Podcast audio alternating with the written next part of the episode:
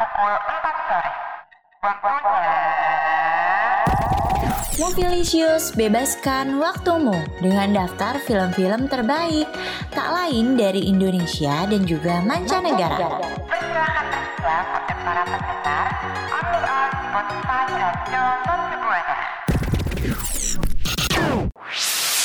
Mohon perhatian. Pintu Movilisius telah dibuka. Kepada rekan Buana yang ingin tahu film terupdate dari jam 10 sampai jam 12 only on Radio Mercu Buana.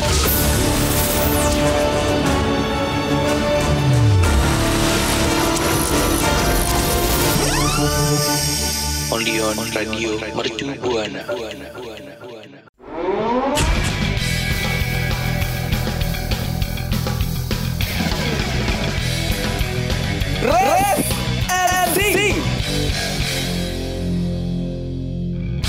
Radio Mercu Buana, Station for Creative Student. Hai hai hai rekan Buana, akhirnya Movilicious mengudara lagi nih barengan sama dua penyiar kece. Ada gue Stefani dan partner gue. Halo rekan Buana, Aduh kayak biasanya nih kalau di Movilicious ada Stefani, pasti ada gue Adi yang bakalan nemenin rekan Buana nih buat bahas informasi mengenai film-film kece baik yang lokal maupun internasional. Yes, benar banget. Tapi sebelum kita lebih jauh lagi nih perjalanan, rekan Buana jangan lupa untuk follow sosial media dari Radio Mercu Buana dulu. Ada di Instagram, Twitter, Facebook di Radio Mercu Buana.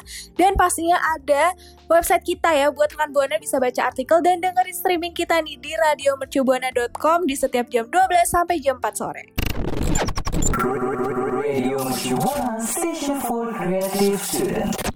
Kalau di Movielicious itu pasti ya kita bakalan bahas film-film super duper berkualitas kayak yang tadi dimention kalau misalkan kita bahas uh, film lokal sama internasional. Mm-mm, benar banget. Nah kali ini nih ya kita mau uh, ngebuka gitu ngebuka Movielicious kali ini dengan uh, sesuatu yang lagi-lagi mengharumkan nama bangsa. Uh, harumnya tuh harum apa nih kalau boleh tahu harum uh, buah-buahan, bunga-bungaan atau gimana nih? Harumnya tuh kayak seharum ibu kita Kartini.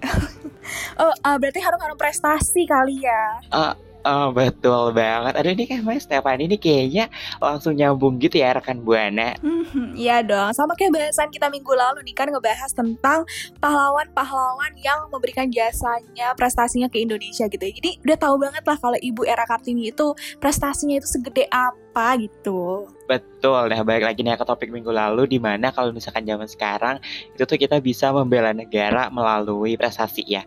Nah kali ini tuh da prestasinya datang dari uh, seorang sutradara ya yang punya film judulnya Penyalin Cahaya dan berhasil meraih 12 piala citra loh di FFI 2021. Ih, keren banget ya. Secara untuk kita ngeraih satu piala aja itu pasti cukup susah. Dan ini langsung diborong 12 piala. Gimana nggak keren coba tuh? Makanya ini tuh takutnya apa ya pialanya goceng serauk. Heeh, bener banget. Dan bahkan eh, dari salah satu dari antara 12 piala itu, salah satu yang dimenangin itu adalah kategori sutradara terbaik. Sama juga ada juga nih sebagai film cerita panjang terbaik. Waduh berarti emang udah yang paling baik gitu ya dari film-film lain gitu Betul, soalnya kan juga uh, apa ya kerennya ya selain dia meraih banyak piala, ini tuh uh, filmnya termasuk uh, film yang baru debut di layar lebar.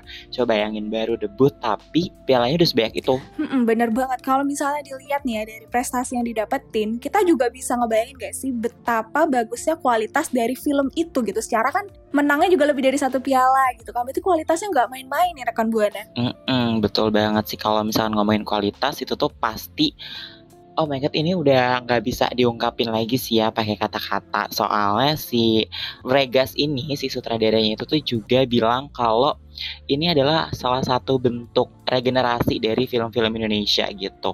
Di mana meskipun di tengah badai, tapi tetap apa ya, tetap tetap terus uh, berkembang. Mm-mm, benar banget. Dan lo rekan buana juga mesti harus tahu. Kalau misalnya film penjalin cahaya ini itu menyinggung tentang isu-isu sensitif kayak isu kekerasan dan pelecehan seksual yang jarang banget gak sih diangkat sama film-film di Indonesia. Nah betul banget tuh. Jadi ini uh, kayak salah satu film yang apa ya berusaha mengangkat uh, sesuatu yang jarang diangkat kan kayak yang tadi udah dimention. Dan ini tuh kayak bikin gebrakan baru gitu. Dan gebrakan barunya ini ya langsung meraih piala sebanyak itu. Hmm, benar banget. Dan apalagi juga ini tuh mengangkat isu-isu yang sebenarnya tuh sering kita temuin bahkan di keseharian kita gitu. Misalnya pelecehan seksual di kampus atau di lingkungan-lingkungan lain dan ini tuh langsung diangkat dan diceritain di film ini rekan buana. Betul banget. Nah, buat rekan buana yang udah penasaran, gue sama Stefani juga pasti udah penasaran banget. Kita tunggu aja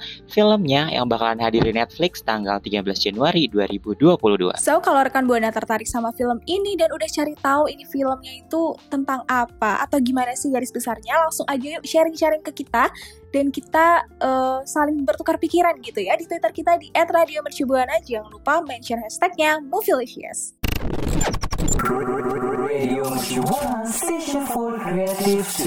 So, rekan Buana, tadi gue udah sempat mention ya, kalau film penyalin cahaya ini tuh mengangkat isu sensitif kayak isu kekerasan dan juga pelecehan seksual. Nah, di sini juga dijelasin juga nih sama sutradaranya yaitu Regas Baruteja yang ceritain ada apa sih di balik dari film penyalin cahaya ini. Mm -mm, pasti nih ya kalau filmnya udah berhasil meraih 12 piala gitu.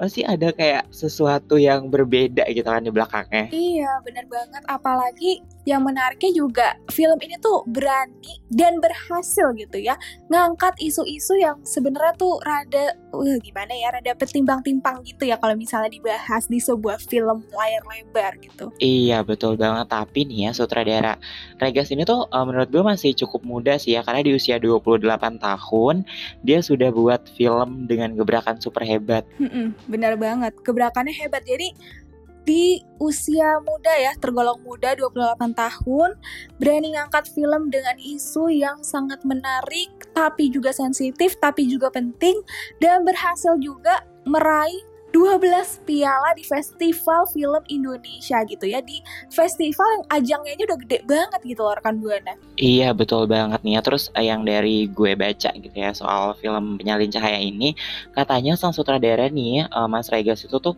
uh, terinspirasi dari banyaknya fenomena-fenomena kekerasan yang ada atau yang terjadi di Indonesia. Hmm, bener banget. Terus katanya beliau juga, beliau itu uh, fokus ya, concernnya itu di lingkungan kampus gitu. Secara ya memang nggak bisa kita pungkiri kalau kita tuh sering ya nemuin kasus-kasus pelecehan seksual di kampus gitu secara verbal maupun non verbal dan di sini sutradaranya itu mau itu ngangkat kasus itu dan uh, mendukung juga para mahasiswa-mahasiswi gitu ya mungkin yang menjadi korban atau misalnya sivitas kampus lainnya supaya berani speak up, berani ngasih tahu ke orang lain apa yang udah mereka alami gitu rekan buana. Betul betul banget karena kalau misalkan kita klik lagi ya ke belakang uh, pelecehan seksual itu tuh kadang dianggap sebagai sesuatu yang tidak terlalu membahayakan gitu tidak terlalu penting tidak terlalu membahayakan. Karena yang mengalami dan yang terdampak itu hanyalah sang korban gitu. Beda kan dengan mungkin kebakaran atau pencurian gitu. Jadi uh, suka dipandang sebelah mata gitu soal si pelecehan seksual ini. Yes, bener banget rekan Buana. Dan juga ya rekan Buana FYI aja. Kalau misalnya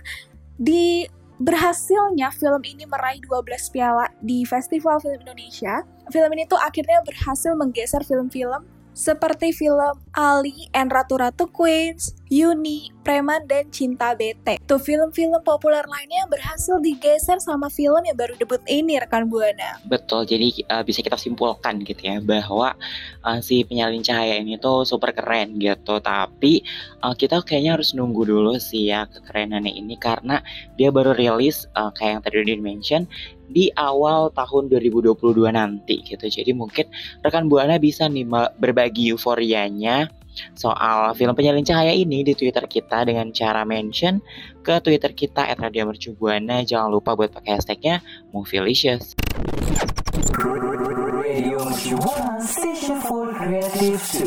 Rekan Buana nih ya, kalau misalkan udah masuk Movielicious gitu, rasanya nggak apa ya nggak afdol banget kalau misalkan nggak ada segmen review alias review, film. Yeay. Di review kali ini kira-kira kita mau ngebahas apa nih, Di? Uh, di review kali ini kita mau membahas sesuatu yang super booming. Hmm, booming itu bukannya ini ya, ibu-ibu yang lagi hamil. Itu bumil, sorry. Soalnya kita lagi uh, bicara soal booming, bukan bumil. Oh iya, beda ya. Oke, lanjut. Jadi ini kita mau uh, membahas sesuatu yang kalau misalkan gue sebut uh, huruf depannya aja kayak rekan gue di rumah tuh langsung tahu gitu. Kita mau bahas apa? Hmm, apa tuh coba disebut huruf depannya? Huruf depannya adalah E. Eh, belakangnya S bukan? Eh, tau kan? Pasti langsung kayak nyambung gitu kan. Eh, langsung nyambung banget, langsung teng tahu banget nih hari ini mau ngebahas apa. Mm, karena uh, namanya ya, dari sebelum rilis aja itu udah banyak banget gitu ya yang tahu dan ini kayak ditunggu-tunggu juga sih terutama sama uh, fans dari seluruh apa ya seluruh teori-teori yang ada dalam sinematik itu. Hmm, benar. Kalau kita langsung aja kali ya, kita bahas daripada rekan buana penasaran nih sama review filmnya. Betul. Jadi rekan buana di minggu kali ini kita itu mau ngebahas soal Eternal, film terbaru dari uh, Marvel yang apa ya yang jadi pelengkap dari seluruh uh, alur-alur cerita yang ada. Mm, bener banget. Apalagi film ini tuh menyajikan karakter-karakter yang super unik yang bakalan bikin kita penasaran dan pengen nonton sampai habis. Betul, karena uh, superhero-nya itu tuh nggak cuma satu, nggak dua, nggak tiga, langsung sepuluh. Itu nambah satu lagi bisa main bola ya langsung ya. Oh, oh. makanya judulnya nanti bukan Eternals, Apa tuh? tapi sepak bola, jangan Oh, iya. gitu. Bener bener bener ya udah berarti cocok 10 aja kali ya nggak usah ditambah-tambah lagi. Kayaknya kalau mau nambah, gue boleh sih join. Mm-mm. Kekuatan super yang lo punya apa emang kalau mau join? Oh, gue apa ya? Gue adalah menyelesaikan tugas dalam sekali kedip. Kalau gitu gue pengen pakai jasa lo sih ya buat ngerjain tugas-tugas gue. boleh banget, boleh banget. Tapi mahal ya kayaknya ya. Mm-mm, bener banget. Tapi daripada bersembilan nanti jadinya cherry bell gak sih? Iya betul nanti bukannya menyelamatkan dunia malah dilema. Malah, ngedance gitu ya. Aduh, iya betul banget. Dan rekan buana nih ya, kalau Cherry Bell itu asalnya dari Indonesia, kalau ke 10 superhero di Eternals itu tuh asalnya dari uh, Celestial Arisham yang dikirim ke bumi gitu ya, untuk memusnahkan invasi Deviant pada 5000 sebelum Masehi. Aduh, jauh banget ya. Kalau dipikir-pikir, Hmm, iya lama banget. Kita kayaknya masih belum direncanakan untuk lahir di dunia nggak sih pada masa itu? betul banget. Karena emang ceritanya ini kayaknya menceritakan tentang uh, peradaban sebelum adanya manusia ya. Jadi mereka ini tuh bertugas untuk membersihkan bumi gitu ya pada akhir tahun segitulah ya pada akhir tahun segitu untuk uh, mempersiapkan bumi gitu untuk kita kita semua Heeh, bener banget. Apalagi yang namanya Devian ini adalah musuh bebuyutannya manusia gitu. Jadi mesti bener-bener dimusnahkan banget deh nih yang namanya Devian. betul jadi si ke 10 superhero ini ya yang pertama itu ada Ajak, Cersei, Ikaris, Kingo, Sprite, Pastos, Makari, Druid, Gilgamesh sama Tena ini tuh bersatu padu gitu ya membentuk sebuah tameng untuk melindungi manusia gitu. Ini kalau dipikir-pikir eh, ceritanya ini lumayan apa ya?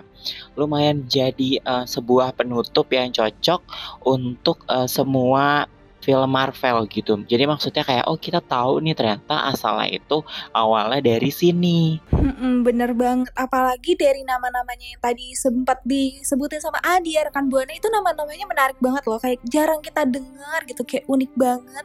Apalagi mereka punya kekuatan super yang istimewa masing-masing.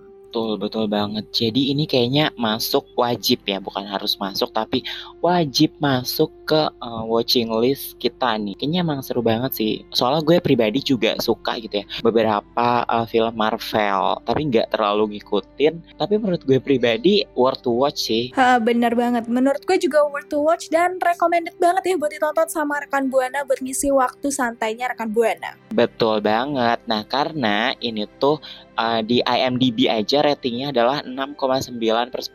Jadi bisa dijadiin acuan nih buat rekan buana yang mau nonton. Yes, bener banget. Itu rating udah lumayan tinggi banget ya untuk sebuah film baru nih rekan buana. Jadi ayolah langsung aja ditonton aja gak sih? Betul. Nah, buat rekan buana yang udah nonton, mungkin mau berbagi cerita ya, bisa langsung aja ke mana, Steph? Langsung aja mention ke Twitter kita at Radio Mercubuana dan hashtagnya Movielicious. Radio Mercubuana Station for Creative Student. Oke rekan Buana, dari tadi kita udah ngebahas banyak banget nih ya seputar prestasi dari film Indonesia sampai ke film luar negeri yang super hits ya yang perlu ditonton sama rekan Buana. Tapi kita harus pamit undur suara dulu karena kita udah cukup nih ya waktunya buat nemenin waktunya rekan Buana. Betul banget, tapi rekan buana jangan sedih karena Movielicious itu tuh selalu balik lagi di hari Rabu di jam yang sama dan di tempat yang sama yaitu di Spotify kita Radio Mercu Buana. Nah, rekan Buana nih jangan lupa juga buat follow sosial media kita ada di Instagram, Twitter dan Facebook Radio Mercu Buana dan main ke website kita nih supaya tahu informasi update nih ada di artikel dan bisa dengerin streaming juga dari jam 12 siang sampai jam 4 sore. Adanya di www.radiomercubuana.com. Kalau gitu gue Adi undur suara. Gue Stefani pamit undur suara and see you next week rekan Buana. Bye!